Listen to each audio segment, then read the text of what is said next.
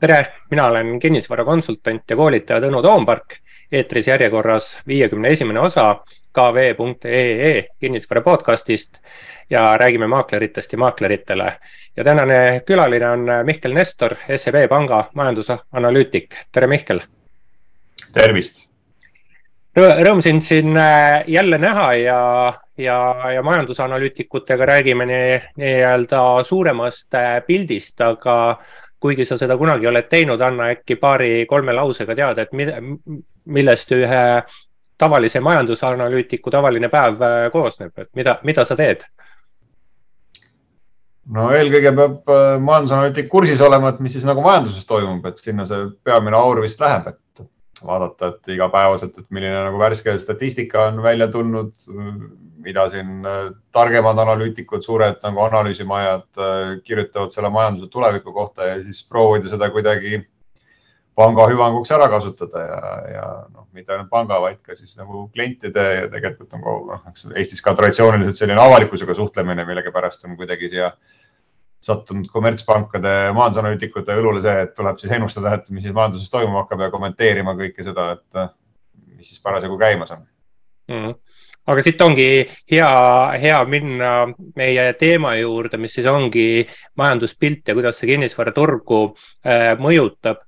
ma, ma nüüd nimeliselt ei suuda mäletada,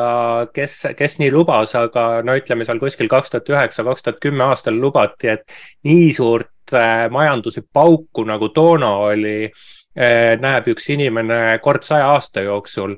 Äh, et, et kuidas, kuidas praegune selline väga lai pilt on, et ka, et täna lubatakse ju ka, et, et tuleb veel hullem pauk majandusse, kui, kui me toona nägime. Et mis, mis sinu selline arvamus sellest on? no mina neid arvajaid väga tõsiselt ei võta, et kes täna siin ennustavad mingisugust suurt katastroofi, et äh, loodan, et mul siis on nagu õigus selles osas ka, et ei pea sõnu sööma, aga, aga mul on nagu täna küll nagu väga keeruline näha siin äh, mingisugust enneolematut nagu mulli või katastroofi ees ootamas ainult, mis meil kaks tuhat kaheksa, kaks tuhat üheksa nagu natuke oli nagu sisse kirjutatud sinna. noh, veel eelkõige, kui me nagu Eesti majandusest räägime et noh, tänases situatsioonis on ju, mis siin nagu toimumas on, on ju see, et, et meil tekkis inflatsioon järsku ootamatult, et kõik rääkisid, et üks hetk ta tuleb ja ei tulnud, ei tulnud ja lõpuks tuli ta kohal. eks andsid sellele nagu energiahinnad siin Ukrainas toimub ka nagu kannustust. Ja nüüd proovitakse sellele kuidagi päitsed pähe saada läbi intressimäärade tõstmise. aga noh, mul on küll täna nagu tunne, et turg selles osas ikkagi keskpankasid praegu näib usaldavat, et teatakse, mis nad teevad ja, ja noh, kui vaadata ka praeguseid ennustusi, et tundub, et see nagu intressimäärade tõstmine jõuab siin tegelikult üsna peagi äh, lõpule, et siin kuskil juba kevadeks võiksid need noh, tänase teadmise juures need intressimäärad olla nagu selle stabiilse taseme saavutanud. et see kindlasti on juba noh, arvestades seda nagu väga pikka minevikku, mis meil on nagu olematute intressimääradega või negatiivsete intressimääradega. et eks ta loomulikult tuleb sellise äh, külma dušina, et kui sa oled kümme aastat nagu pidanud nagu peaaegu ei midagi maksma intressina ja järsku on see intressimäär seal kuskil kolme protsendi peal. et äh, loomulikult see tõmbab majanduse loogu maha ja hakkab seda nõudlust jahutama. Aga kui ma vaatan täna võib-olla seda nagu vundamenti, millele siis siis on noh, tegelikult nii Euroopas kui nagu Eesti majanduses, et noh, tegelikult ju midagi hullu ei toimu kuskil, et noh, siiamaani on olnud tegelikult väga tugev nõudlus, nõudlus, mis on ületanud seda nagu pakkumisvõimet, sellest tulenevalt meil on, on, on hinnatõus olnud, et nagu täna nagu seda nõudlust allapoole tuuakse läbi nende tõusvate intressimäärade. Et vabandust, see on nagu normaalne osa nagu majanduse tsüklist, et ega meil peabki vahepeal selliseid kehvemaid perioode olema, et siit nagu mingisugust noh ootamatut katastroofi ma küll nüüd juhtumas ei näe, et ju kõik, noh, siin peaks midagi, ütleme, mingisugune ettenägematu sündmus toimuma selleks, et siin saaks nagu tõesti mingisugune tõeline jõnks nagu allapoole tulla.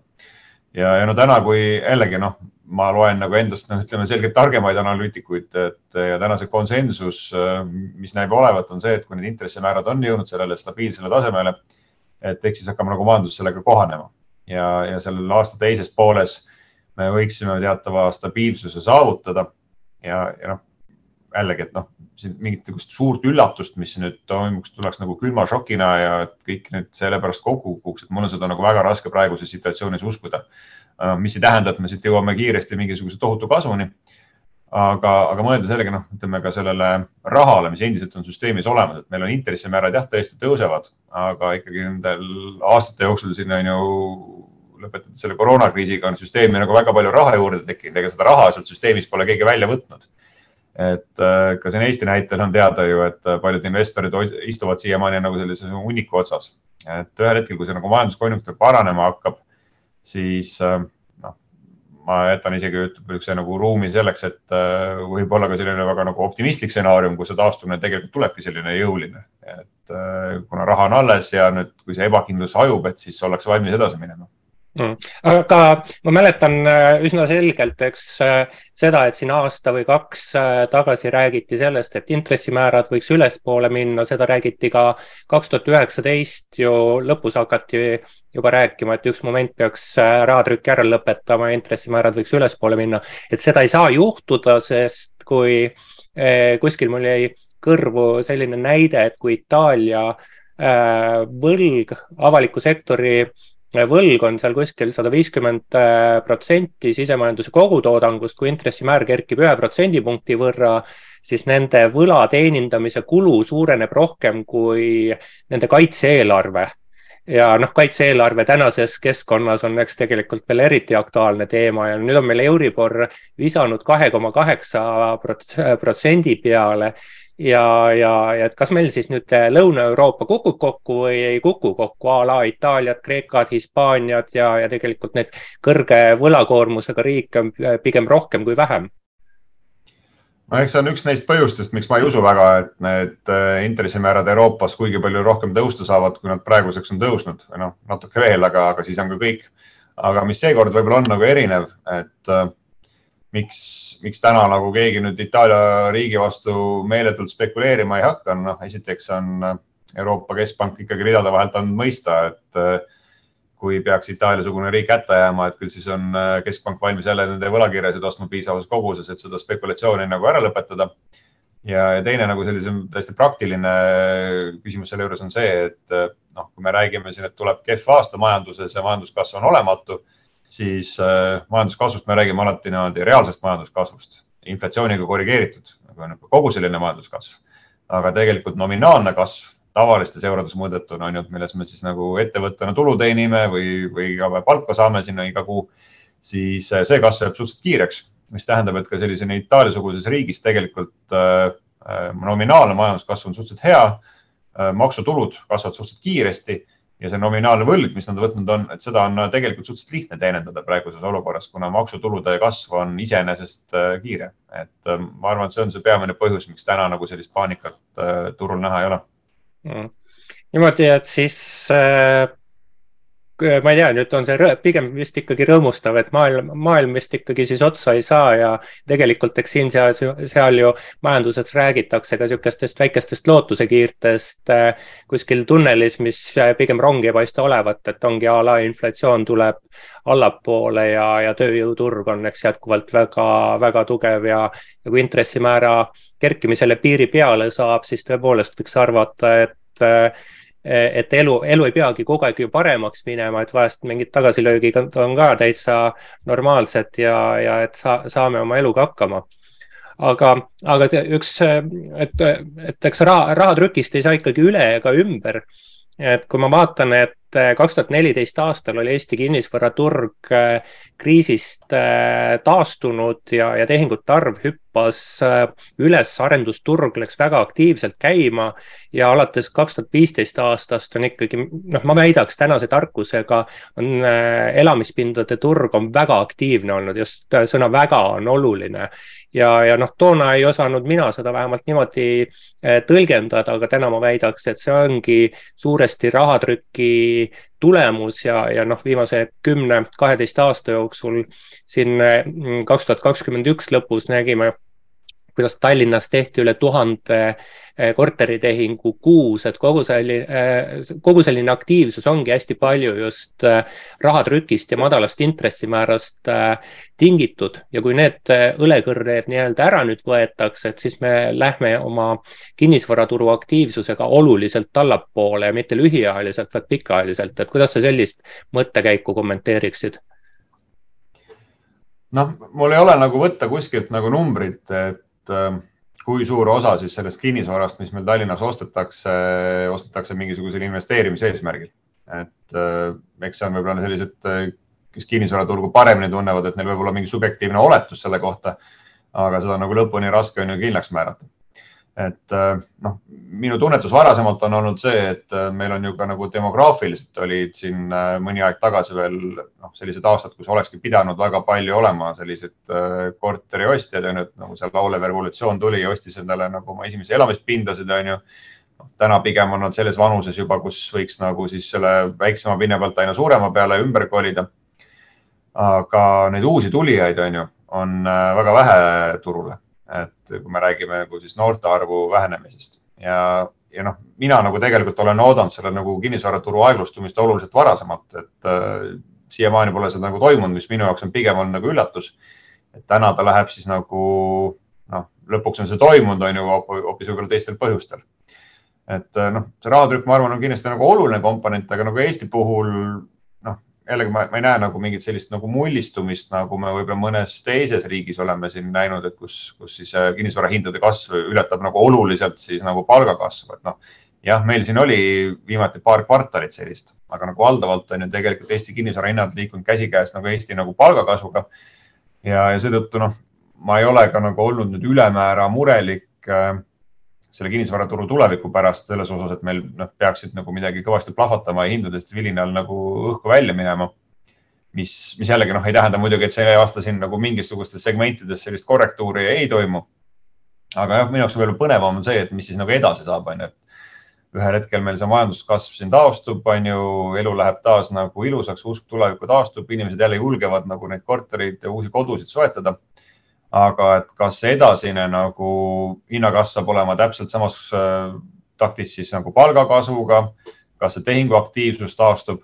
et äh, mul ei ole tegelikult nagu endal noh, mingit väga selget nägemust, et mis ja kuidas see nagu juhtuma hakkab, et äh, põnev jälgida.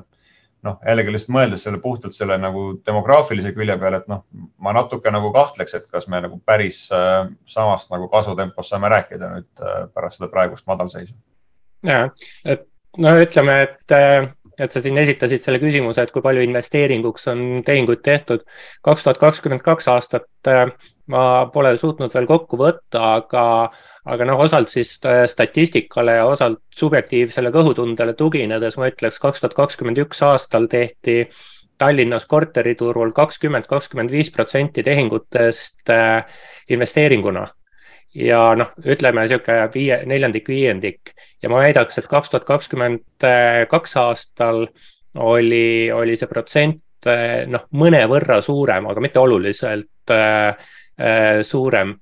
ja, ja, ja et see, see on muidugi see nõudluse kiht, mis hõlpsalt praegustes oludes, kus finantseerimine on keerulisem, kallim, võib äh, ära kaduda, et see on üks põhjus, aga teine põhjus on ka see, et äh, koduostjatel on tehingu tegemine oluliselt kallimaks, keerulisemaks läinud, et esiteks on eh, hinnad kõrgel ja, ja teiseks on finantseerimine kallim, et kui ma vaatan, panen ostujõu arvutusse hinnad, eh, palgad ja kolmanda tegurina intressimäära sisse, eh, siis, siis on ostujõud, et mitu ruutmeetrit ma suudan osta Äh, laenuga see ruutmeetrite arv on niisugune kakskümmend protsenti allapoole tulnud. et ainuüksi niisugused tegurid võiks nõudlust oluliselt allapoole võtta. et kuidas, kuidas need mõtted tunduvad sulle? no ma olen sinuga nõus jah, et eks ostujõu kahanemine on, on märkimisväärne, on ju, arvestades seda erinevust nagu inflatsioonis ja nagu palgakasvus eelmine aasta ja, ja noh, täna ikkagi see ebakindlus tundub äh, ikkagi päris suur või nagu noh, ma ütlengi nagu põnev on võib-olla see, et noh, me ei saa öelda, et nagu inimestel raha oleks ju otsa saanud. et mm -hmm. nagu sa ise ütlesid, et ka, et äh, täiesti nõus, et tööturu seis on endiselt suurepärane, et Eestis on väga kõrge tööhõive. tegelikult palgakasv äh, on endiselt väga kiire ja, ja noh, ma, minu usk on nagu sellele, et ka tegelikult enamuses äh, majandussektorites sellel aastal nüüd midagi väga palju ei muutu, eriti kui me räägime sellest inimesest, kes siis Tallinna kinnisvaraturul siin peamiselt tegutseb, et selline noh, pigem üle keskmise palga teeniv äh, Tallinna kontoritöötaja, et äh, noh, nende elus ma usun, et see kaks tuhat kakskümmend kolm küll erilisi muutusi kokkuvõttes ei too. Aga küll on nad koduostja on tark, on ju, et loeb ka lehti ja vaatab, et on sellist nagu ebakindlust päris palju õhus et äh, äkki praeguses situatsioonis nagu tasub oodata ja vaadata, et mis siis juhtuma hakkab. et sellist nagu mõnda aega sellist nagu rahuperioodi, seda ma usun, olen noh, täiesti veendunud, et see sinna juhtub, aga noh, jah, et iseasi, et kui kiiresti meil see nagu maailmamajandus taastuma hakkab ja kui kiiresti see usk taastub sellesse nagu majanduse tulevikku. täna ju Eestis tarbijakindlus on umbes selles kohas, kus ta oli siis varastel üheksakümnendatel. Millega mul nagu on äh, kuidagi objektiivselt nagu väga raske nõustuda, et see elu meil kuidagi nii hull peaks olema, kui ta seal üheksakümnendatel oli. aga tõesti, et kui üks hetk see nagu usk jälle taastub ja, ja endiselt see palk on päris kiiresti kasvanud, inimesed usuvad, et nende töökoht säilib. noh, äkki on isegi mingid säästud siin ikkagi alles või kogunenud, et, äh, et noh, mingites segmentides kindlasti see nagu kasvu taastumine, ka hinnakasvu taastumine ilmselt on päris kiire aga, aga noh, mingid muutused muidugi iga selline kriis või madalseis nagu sellele turule ka kaasa toob mm. kaks, kaks tuhat kaheksa aasta lõpus juba oli üks kinnisvaraturul siis äh, tehingute arvu niimoodi nulliv tegur see, et äh, pangad lihtsalt laenu ei andnud enam. ühest küljest muidugi inimesed ei julgenud võtta, teisest küljest äh, pank, äh, pangad tõmbusid oote seisu. et kuidas sa tänast panganduse just sellist laenu pakkumise poolt hindad, et kui tervislik siin seisukord on? no ma oskan kommenteerida nagu oma tööandja nagu seisukohta siin, et noh, meil siin küll mitte miski nagu muutunud ei ole, et laenu andmise tingimustes, et täpselt samamoodi läheme edasi, et äh, lihtsalt taotlusi tuleb juba vähem sisse iseenesest mm.. et äh, noh, ja mulle ka nagu tundub, et noh, täna nagu noh, ütleme, kui vaadata nagu Eesti pangandust üldiselt, et noh, selline tegelikult meie nagu võlgnevuses laenude arv on nagu rekordmadalal. Ja noh, vaadates ka oma võib-olla nagu siin ka äriklientidest ettevõtete eelmise aasta majandustulemusi, et noh, tegelikult Eesti majandusel on läinud nagu suurepäraselt inimestel ja ettevõtetel see nagu finantsseis on täna väga hea ja nende tulemuste pinnalt tulla nagu panka siis nagu laenu küsima, et äh, noh, siin nagu probleemi ilmselt ei nähta, sellepärast et kuskil ajalehes nagu kole pealkiri oli majanduse tuleviku kohta. et mm., et noh, midagi sellist ei ole ja noh, jällegi see on täiesti nagu objektiivne, et noh, minu jaoks nagu see tänane situatsioon võrrelduna siis sellega, et mis meil oli siin aastal kaks tuhat seitse kaks tuhat kaheksa alguses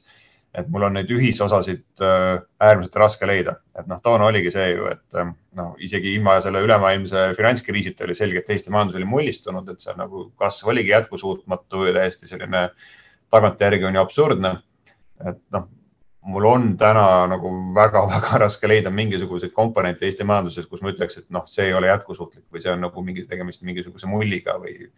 või siin on mingi tasakaalustamatus, et noh, neid, neid kohti peaaegu ei ole mm,. täitsa, täitsa nõus sinuga. korraks hüppaks suurema pildi juurde tagasi, et üks asi, mis mul jäi painama, jäi alguses küsimata, et, et sa mainisid ka, et me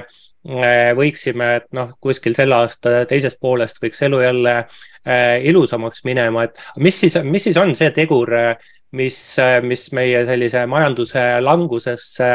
minemisele võiks piiri peale panna, et ja, ja majanduse jälle kasvule pöörata, et mis need olulised tegurid on? noh, äh, kus ma muidugi olen natuke skeptiline iseenesest, et see nüüd teise aasta teises pooles juba juhtub, et äh, täna on nagu meie jaoks kõige suurem probleem äh, selline väga kiire ekspordinõudluse vähenemine. et noh niisugune nagu kulunud nagu fakt, mida me ka alati kuulutan, on see, et umbes kaheksakümmend protsenti moodustab eksport siis Eesti SKP-st. ja kui ekspordiga ikka lugu on nigel, et siis äh, midagi väga head lõpuks ka Eesti majandusest ei saa mm. ja, ja täna noh, olukorras, kus siis Eesti majanduse enda nagu sisenõudluse seis on olnud väga hea, et inimesed on jõukad, äh, tööturul läheb inimestel hästi, on ju, et meil on tegelikult võimekust nagu sellised lühemad madalseisud äh, päris edukalt võib-olla isegi üle elada aga täna nagu seda Eesti tööstust on rappinud ennekõike siis äh, Rootsi kinnisvaraturul ja ütleme Põhjamaades laiemalt toimuvad, kus sellised äh, ettevõtted, kes kuidagipidi on olnud seotud siis Rootsi kinnisvaraturuga, et müügu nad sinna siis ehitusmaterjali või mööblit või mingeid sisustuselemente, mida iganes on kogenud ikkagi väga tugevat nõudluse langust ja noh, võib öelda, et Põhjamaade kinnisvaraturg ikka on seal üsna sellisesse talveunne või jääaega nagu suikunud. ja see nüüd äh, väga kiiresti ei muutu. ja kahjuks ma arvan, et ka mitte selle aasta teises pooles, aga noh, küll laiemalt, et ikkagi selline nagu ekspordinõudluse taastumine, et meil on ju teisi tööstusharusid ka, et, et maailmamajanduse kiirenemine, eksportnõudluse taastumine ja, ja nendes oludes, noh ettevõtted, kel on tegelikult täna nagu kogunenud siin koroona ajast siiamaani nagu väga tugevad nagu äh, finantstagavarad. et äh, kui neil nagu tekib usk, et aastal kaks tuhat kakskümmend neli on elu parem kui aastal kaks tuhat kakskümmend kolm, et siis äh, siin on ju õpitud siin täpselt koroona ajal ka väga valusaid õppetunde sellega, et mis siis juhtub, kui sa töötajad nagu ootamatult siin ära koondad, kartes niisugust tumedat tulevikku ja siis, kui nõudlus kuue kuu pärast on tagasi, pole sul enam kusagilt neid võtta et tegelikult täna tahetakse nagu töötajate, töötajaid säilitada äh, kiire inflatsiooni tingimustes, endise, endiselt sellise tugeva konkurentsi tingimustes nagu tõstetakse neil ka palkasid. ehk siis see, see, ütleme, selline tugev nagu tööturg, meie enda sisenõudlus aitab meil kuidagi selle nagu raske perioodi loodetavasti üle elada, aga noh, samas ma olen ka nagu realistlik, et kui meil siin see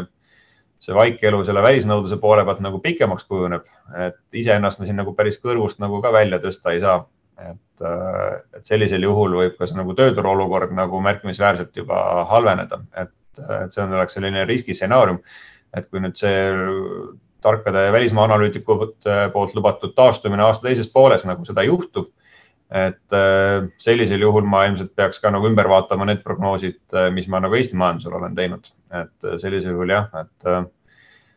võib meil ka nagu noh, ma ei taha jällegi üle dramatiseerida, et mingisugune eriline katastroof järgneb, aga noh, et see majanduslangus on ikka siis kindel, et mm. täna, täna ma ikkagi olen ennustanud välja Eesti majandusele aasta kokkuvõttes isegi pisikest positiivset kasvu mm,. noh, polegi, pole ju kõige hullem. kui oluline selle mängu juures on energiahindade, kuidas öelda siis stabiliseerumine või normaliseerumine või noh, eks. Eks ta kindlasti ole ja noh, see ongi üks, ma arvan, kõige raskem nagu küsimus täna nagu majanduse prognoosimisel, et äh, ei ole ju mitte mingisugust kindlust selles osas, et mis see nagu nafta või gaas siin äh, selle aasta jooksul maksma hakkab, et noh, see sõltub siin kliimast, see sõltub poliitilistest kokkulepetest ja no kummagi ennustamises me siin nüüd ülemäära edukad äh, pole olnud. Äh, noh, jälle ma olen võib-olla nagu pimestatud oma sellisest nagu optimistlikust meelelaadist nagu majanduse tuleviku osas, et mina nagu tahaksin uskuda täna, et tegelikult noh, on õpitud sellest aastast juba valusaid õppetunde, et äh, on majandusosalised harjunud sellega, et energiahinnad võivad olla volatiilsed ja need võivad olla ka kallid. ja on nagu selles valdkonnas hakatud tegema investeeringuid, oma riske hajutama riigid on kindlasti õppetunnid saanud, aga noh, paratamatult selliste nagu energiavaldkonna investeeringute tegemine on väga pika vinnaga, et noh, tegelikult seda, neid vilju me hakkame ilmselt lõikama alles siin võib-olla aasta-viie pärast, eks. et, äh, et see on kindlasti selline riskistsenaarium. et noh, näiteks, et seesama ühtaegu siis positiivne ja negatiivne, et näiteks maailma majanduse taastumine aastas teises pooles on nagu ootamatult jõuline. hakkab minema hästi, hakkab kuluma rohkem energiat ja, ja siis tegelikult, mis me saame siin Euroopas, on väga kõrged energiahinnad, mis jälle meie majandustegevust pärsivad. et äh, eks ta selline paras tasakaalu otsimine saab olema, aga jah, täna kahjuks jah, seda inimest mina ei ole leidnud, kes ütleks, et mis äh, maksab meil äh, maagaas või nafta täpselt selle aasta lõpus, et tähendab, ma leian kindlasti, kes ütleb, aga, aga ma arvan, et suure summa peale nad kihlvedusid nende numbrite peale ei sõlmi mm. -hmm. aga, aga nüüd tulles, tulles sellise majanduse ja kinnisvaraturu juurde et, et, et, et noh, kui meil ikkagi majandus on, eks siin, kas siis on õrnas plussis või õrnas miinuses, ega see noh, liiga suur vahe, vahe ei ole. aga no ütleme kuskil nulli lähedal oleva eh, kasvuga ja, ja raha, rahal on tekkinud hind üle aasta, et, et mis sa arvad, et kas meil niisugune kaks tuhat kaheksateist aasta võiks ka tagasi tulla, kus Tallinnas oli pakkumisel kolm tuhat viissada, kolm tuhat kaheksasada korterit isegi noh, võrdluseks, mis meil täna on, et täna on kaks tuhat ja, ja võrdluseks, et kaks tuhat kaksteist aastal oli kuskil tuhat kakssada korterit äh, pakkumisel, et kas meil sihuke, sihuke ralli arenduse turul võiks äh, olla veel kuskil, ütleme, lähima viie aasta perspektiivis võimalik üldse? no mul on sellesse raske uskuda, et puhtalt selle nagu nõudluse tõttu, et ma nagu ma vist juba ütlesin, et nagu minu pigem usk on see, et pärast seda tänast madalseisu tegelikult meil äh, sellises mahus nagu nõudlus ei taastugi ilmselt võib-olla kunagi, on ju, või noh, muidugi ega me see demograafiline olukord on siin nagu Ukraina põgenike kriisi valguses näeme, on ju, olnud ka nagu muutlik, on ju, et mm. Kes suudab ennustada, et äh, kui atraktiivne sihtkoht see Eesti või Tallinna linn siin nagu inimeste jaoks on nagu tulevikus. Aga puhtalt, kui me räägime omaenda inimestest, jah, et siin tegelikult see demograafia hakkab neid piire seadma. Et äh, jah, sellised suured äh, kortermajade arendused. Ah, ehk ei ole nii suur teema, aga, aga noh, jällegi ma ütlen, et see laulev revolutsioon siin saab lapsi järjest juurde, et, et suuremaid elas, elamispindasid ehk küll on nagu rohkem tarvis kui varasemalt. Mm.. Aga mis, mis sa arvad, et kui sõda Ukrainas otsa peale saab, et on see meie Äh, majandusele ja kinnisvaraturule hea või halb, äh, noh, see on suhteliselt küüniline küsimus, ma saan aru küll. aga, aga et meil siis hulk äh, tarbijaid võiks võib-olla ära minna, kes siis lähevad, viivad oma tarbimise kuhugi teise kohta teisalt siis ka elamispinnad võiksid mingid vabaks jääda või kui, mis sa sellest arvad? ja tööjõud on nad ka ju muidugi. jah täna on nagu raske ennustada, et äh, milline see elu Ukrainas olema saab ka siis, kui see sõda nagu otsa lõpeb. Mm.. et äh, noh, mõeldes sellele, et ega nagu Ukrainas ju on ju ka nagu täna nagu põhimõtteliselt ju inimesed elavad ja on võimalik seal nagu kuidagi hakkama saada, aga need inimesed on eelistanud nagu Eestisse jääda, siis äh, noh, ma pigem kalduks selle poole, et neist enamus pigem ei taha vähemalt otsekohe nagu Ukrainasse naasta ja võib-olla kui naasevad, siis nagu Eestis tööl käia on endiselt nagu pigem selline atraktiivne väljavaade. et mm. Äh, ma tahaks uskuda jah, et päris nagu ära need inimesed siit Eestist ei kao ja, ja ma arvan, et see on nagu pigem nagu positiivne, et nagu mm. tegelikult Eestis on meil pidevalt olnud nagu tööjõukriis ja nüüd meil on järsku saabunud nagu inimesed, kes on väga motiveeritud, väga tänulikud, on ju, et Eesti inimesed on neid nii lahkelt vastu võtnud, on ju, et ühiskond on neid valmis aitama. et noh, kui me nagu, kui me saame aru, et meil on nagu mingis perspektiivis vajadus nagu võõr, võõrtööjõu järele, siis ma arvan, et noh, need on ühed nagu parimad inimesed, keda meil selles mõttes võtta on, et tõepoolest, et noh, olles ka siin mõnega kohtunud, et see nagu tänutunne nagu eestlaste vastu mulle tundub üsna piiritu, et äh, mul on nagu hea meel, et sellised inimesed on valmis siinsesse nagu ühiskonda nagu panustama mm ja ka, ja, ja eks nende mõju võib-olla nagu kinnisvaraturul tegelikult hakkab avalduma ka nagu siis pikema aja vältel, et noh, täna nende majutus on olnud ju noh, kuidas juhtunud on. et äh, mida paremini nad siin nagu jalad alla saavad, seda rohkem on neil võimalik ka siis nagu mõelda mingisuguse oma kinnisvara soetamise peale, nagu saada mingeid paremaid üürikinnisvara pakkumisi ja nii edasi, et äh, et äh, eks nad laiemalt meie majandust kindlasti toetavad ja sealhulgas ka siis kinnisvaraturgu, jah. Kui ma kuidagi meie räägitut võtaks kokku selles mõttes, et meil äh, majanduskasv on, nagu, on seal kuskil nullilähedane ehk, ehk siis meil intressimäärad on ülespoole läinud, mis äh, pärsib äh, nõudlust. tööjõuturul seevastu on pigem lood head, kuskil on meil hulk pagulasi, kes elamispindade nõudlust vähemalt mingis osas Äh, suurendavad, äh, kindlustunne on jälle kehvapoolne. et äh, kuidas, kuidas nagu sellises kontekstis, eks, et nüüd lugesin ette küll ainult mõned tegurid, aga kuidas selles kontekstis sinu hinnangul elamispindade hinnad võiksid käituda, et kui me mõtleksime mitte mingi niisuguse abstraktse Eesti peale, aga ongi konkreetselt niisugune Tallinna Tallinna